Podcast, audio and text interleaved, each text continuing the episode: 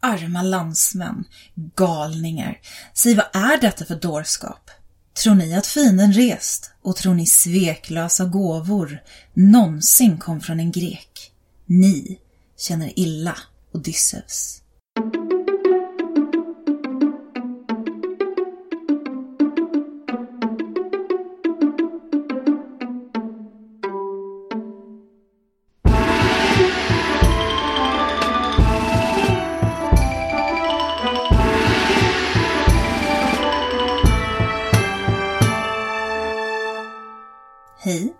Välkommen till Podius Castus, en podd om antiken. Dagens minisnitt är med mig Angelica. Myten om Laokon och hans söner finns omnämnd av en rad antika författare. Laokon, han var en präst som bodde i Troja under tiden för det trojanska kriget, som Homeros berättar om i Iliaden.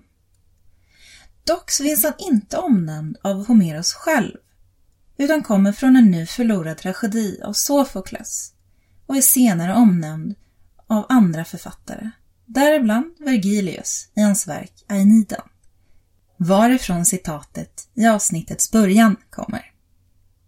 I Aeniden är Lokon den enda av trojanerna som är klok nog att se igenom grekernas trick med den stora trähästen. Han försöker varna sina landsmän och kastar ett spjut mot hästen varifrån ett jämrande läte kommer. Men samtidigt och utan förvarning tas en yngling med bakbundna händer in i staden. Det är en grek som låtit sig tillfångatas. Detta styr uppmärksamheten bort från Laokon, vinner trojanernas tillit och får dem att ta emot hästen. Förutom att ingen lyssnar på honom så väntar nu även något värre för När han precis har genomfört ett högtidligt offer av en tjur vid Poseidons altare så uppenbarar sig plötsligt två ormar ur havet. Folk flyr vid åsynen av dem. Men ormarna har ett mål. De styr kurs direkt mot Laokons söner för att sedan ge sig på och även döda Laokon själv. Detta som straff för att han la sig i och försökte avslöja grekernas plan. En avbildning av Lakons tragiska livsöde finns beskriven i Plinius den äldres Naturalis Historia. Detta är en encyklopedi skriven runt 77 till 79 efter vår tideräkning och ett av de största bevarade antika verken. Plinius den äldre skriver att skulpturgruppen har tillverkats av tre mycket framstående skulptörer vid namn Aegisander, Polydorus och Attendorus, alla tre från den grekiska ön Rhodos. Skulpturen ska ha varit tillverkad i ett enda marmorblock och är enligt Plinius att föredra framför någon annan konstnärlig framställning, såsom måleri eller skulptur. Han målar upp den som ett estetiskt mästerverk. Skulpturen ska ha stått i kejsare Titus palats. Den 13 eller 14 januari år 1506 på Oppiushöjden på Esquilinen i Rom under resterna av kejsare Titus badhus där det vid detta tillfälle låg en vingård. Där hittar man en skulpturgrupp. Det var den så kallade Laokongruppen. Det är en statygrupp, strax över två meter hög, föreställande prästen Laokon och hans två söner, när dessa blev attackerade och dödade av ormar. När statygruppen återfanns så fattades Laokons högerarm, delar av ena sonens hand och den andra sonens högerarm samt flera sektioner av ormen. Dessutom var den äldsta sonen separerad från gruppen. Den första illustrationen av verket är ritat av Giovanni Antonio de Brescia någon gång 1506 till 1508 och visar att gruppen var i relativt bra skick. Påve Julius II, han skickade två personer till fyndplatsen. Dessa var Giuliano de Sangallo samt skulptören Michelangelo. Även Sangallos son Francesco följde med. Det var Giuliano Sangallo som identifierade gruppen som Laukonons söner genom just Plinius den äldres skrift. Det har, främst av två anledningar, ifrågasatts om det kan vara samma statygrupp som Plinius skrev om.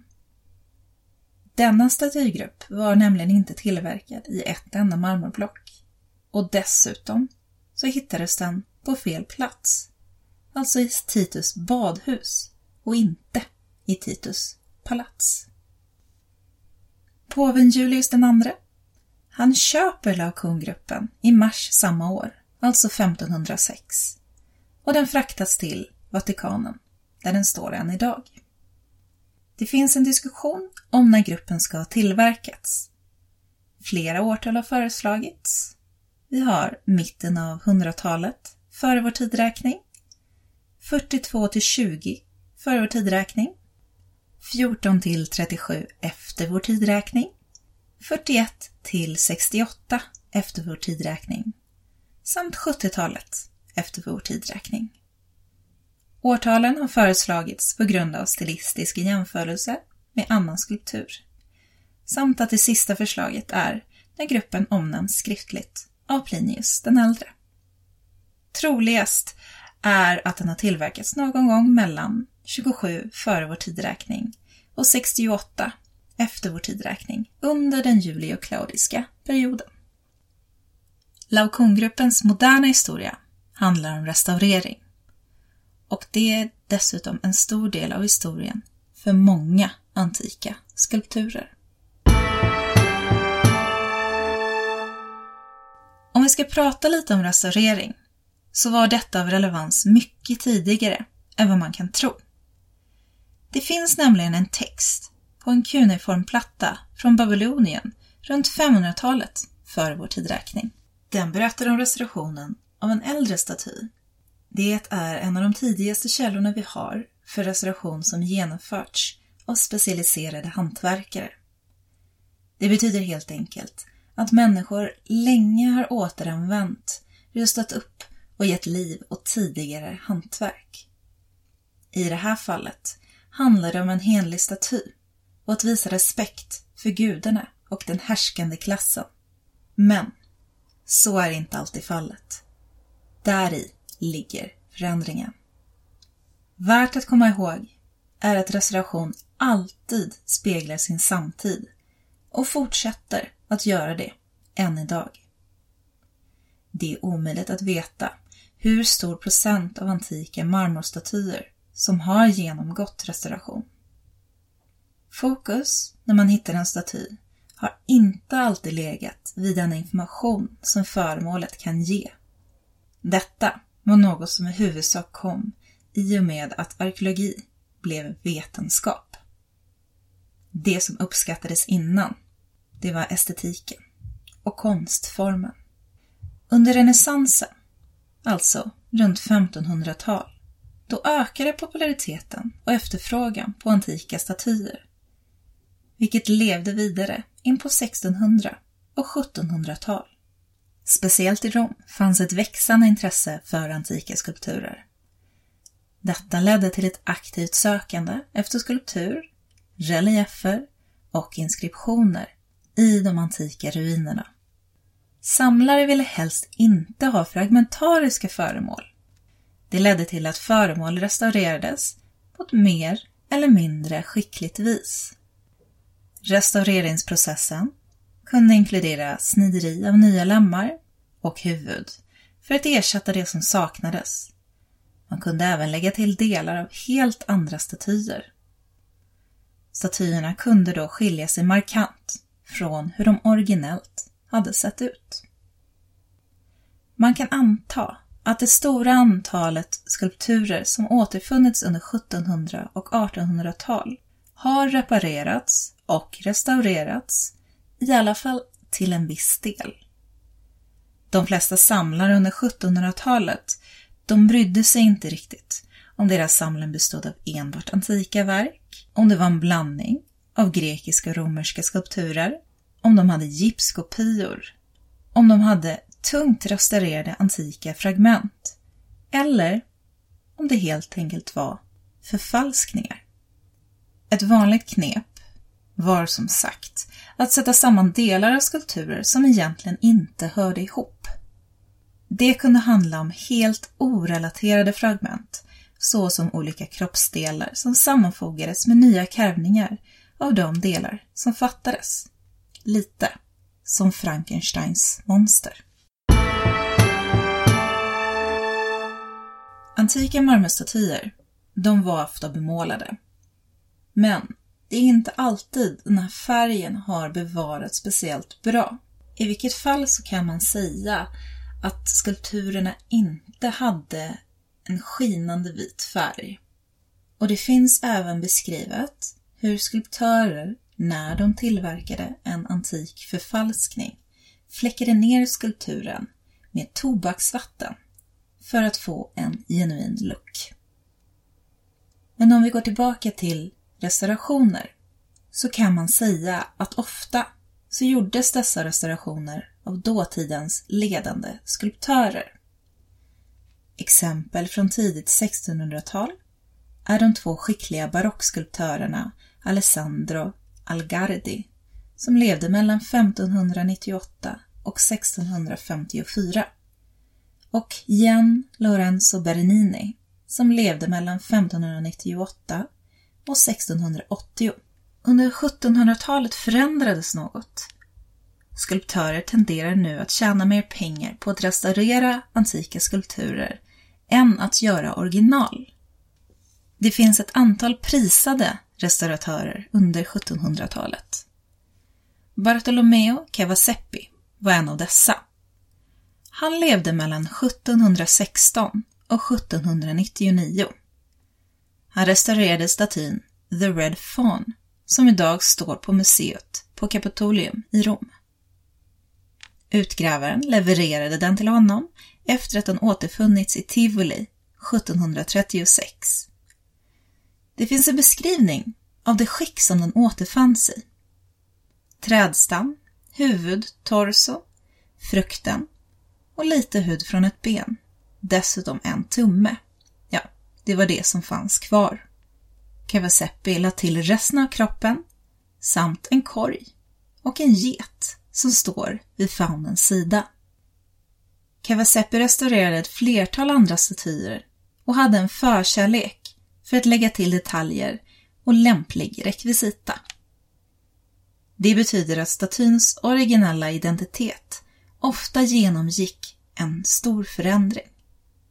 Som exempel så kan vi ta en Artemis som han restaurerade från fragment av en staty av en skadad amazon.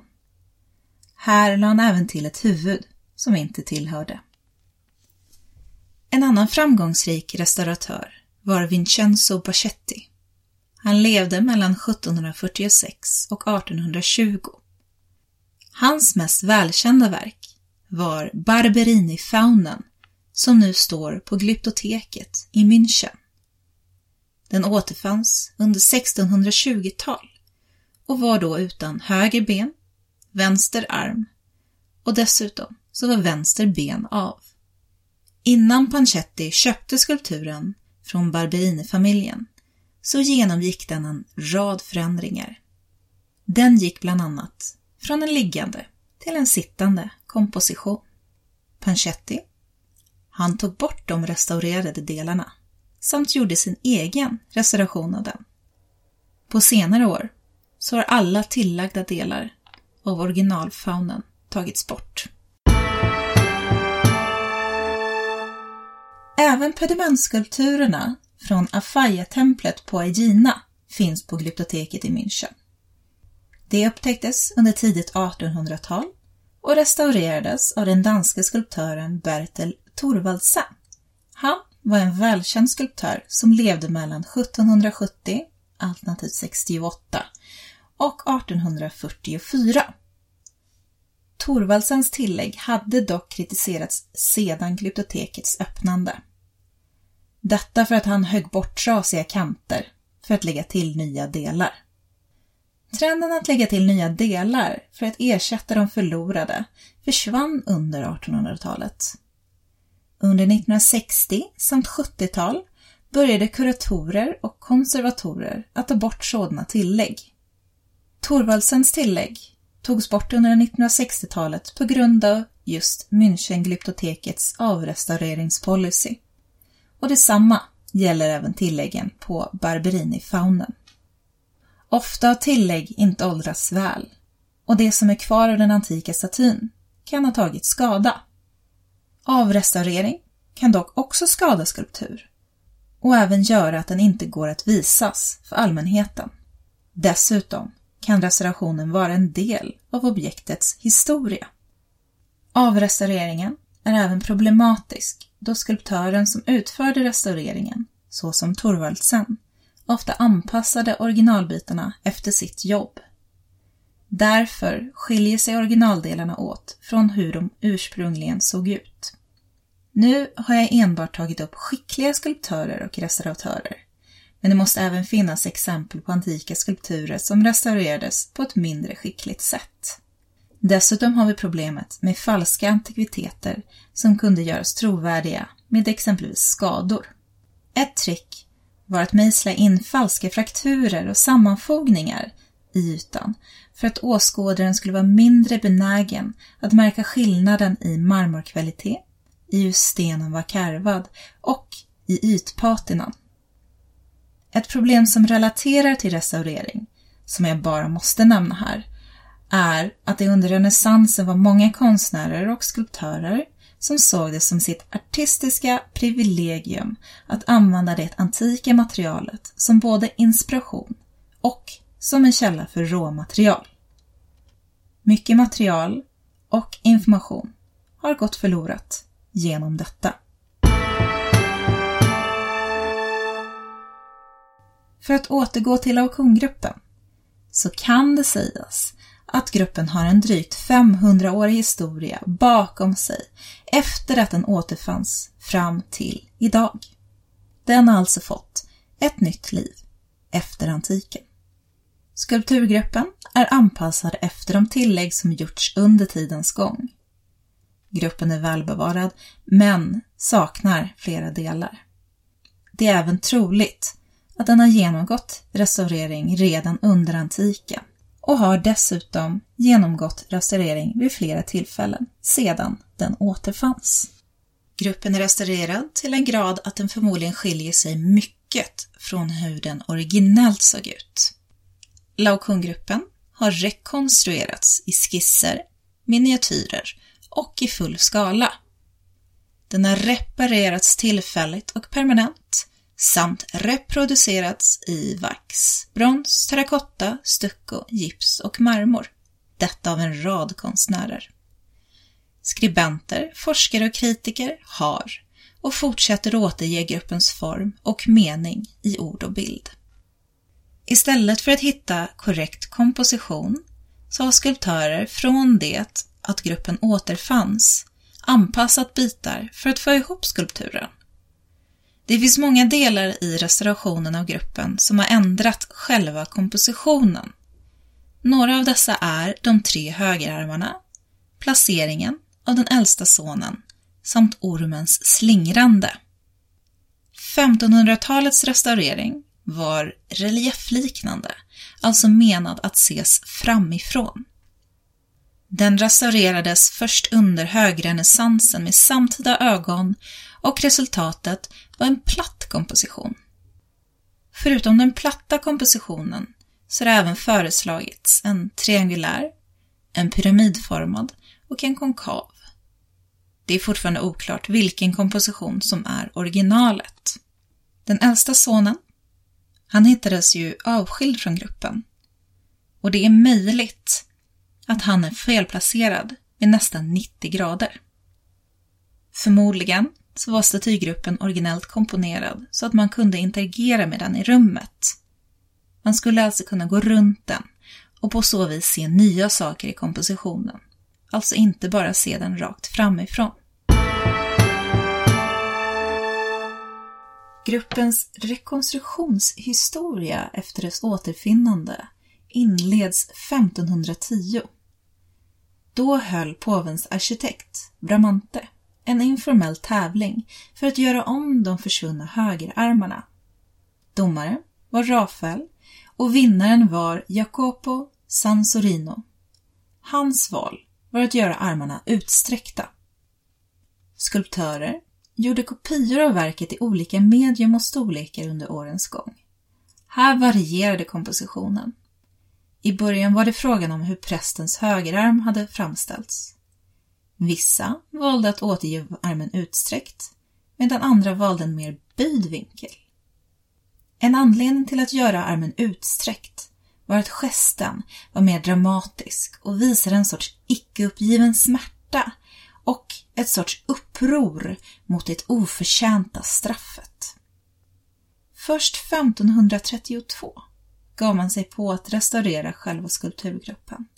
Giovanni Antonio Montosoli, han var lärjunge till Michelangelo, alltså en av de två som påven skickade till utgrävningsplatsen.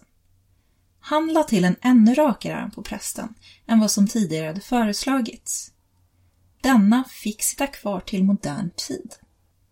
Som jag nämnde tidigare återfanns den äldre sonen avskild från gruppen.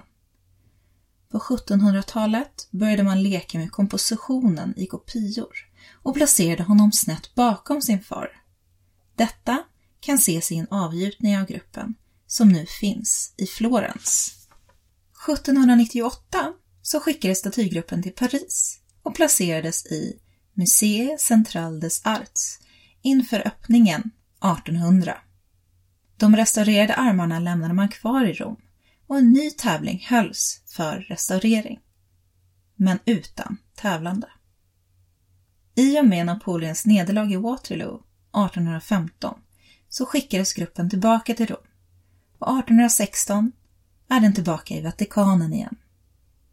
De gamla tilläggen i statygruppen sätts än en gång tillbaka. 1906 hittas Laocoons arm av Ludvig Pollack bara några hundra meter från platsen där gruppen originellt hittades. Skulptörer fortsätter göra rekonstruktioner av gruppen med den nya informationen som ges av detta. Samt att forskare nu argumenterar för skulpturgruppens originella utseende. På 1980-talet togs gruppen isär och sattes ihop igen, nu med originalarmen. De restaurerade delarna av barnens armar togs bort. Under denna isärtagning av gruppen så observerade de att gruppen under antiken förmodligen hade en mer tredimensionell komposition. Tolkningen av handlingen har varierat. Skulpturen sågs först som i huvudsak en representation av fysisk kamp. Men istället för evig kamp är det egentligen dramats kulmen det är en framställning av den klassiska tragedin, individens övermod och människan som straffas av gudarna.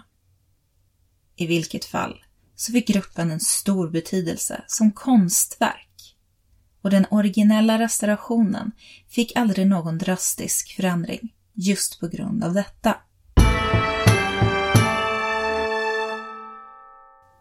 Med 1900-talet kom restauratörer istället att bli konservatorer. Nu grundas en ny mening och vilja med antika skulpturer. I modern tid är det av vikt vilken information som återfunna antika föremål och miljöer kan ge oss. Inte att förglömma att antika skulpturer som har genomgått restaurering är skulptur som är både antik samt ett resultat av den tid då den restaurerades. Hur visar man då vad som är antikt och vad som är modernt? Om något ska restaureras idag så måste man kunna spåra exakt vad som har gjorts och se exakt vad som har lagts till. När det kommer till auktiongruppen så kommer vi aldrig få veta exakt hur originalet har sett ut. Och det är absolut inte samma skulptur som vi ser idag, som de såg under antiken. En fråga är även om armen som hittades 400 år senare och enbart cirka 100 meter från platsen där originalgruppen hittades verkligen är rätt arm. Men gruppen vi har idag, det är i alla fall ett magnifikt konstverk som fortsätter att inspirera och väcka känslor som en del av Vatikanens storslagna samlingar. Tack för att du har lyssnat på dagens minisnitt. Om du vill komma i kontakt med oss så finns vi på podiuscastus.gmail.com på Instagram under podiuscastus och på Facebook. Tack för idag och på återhörande.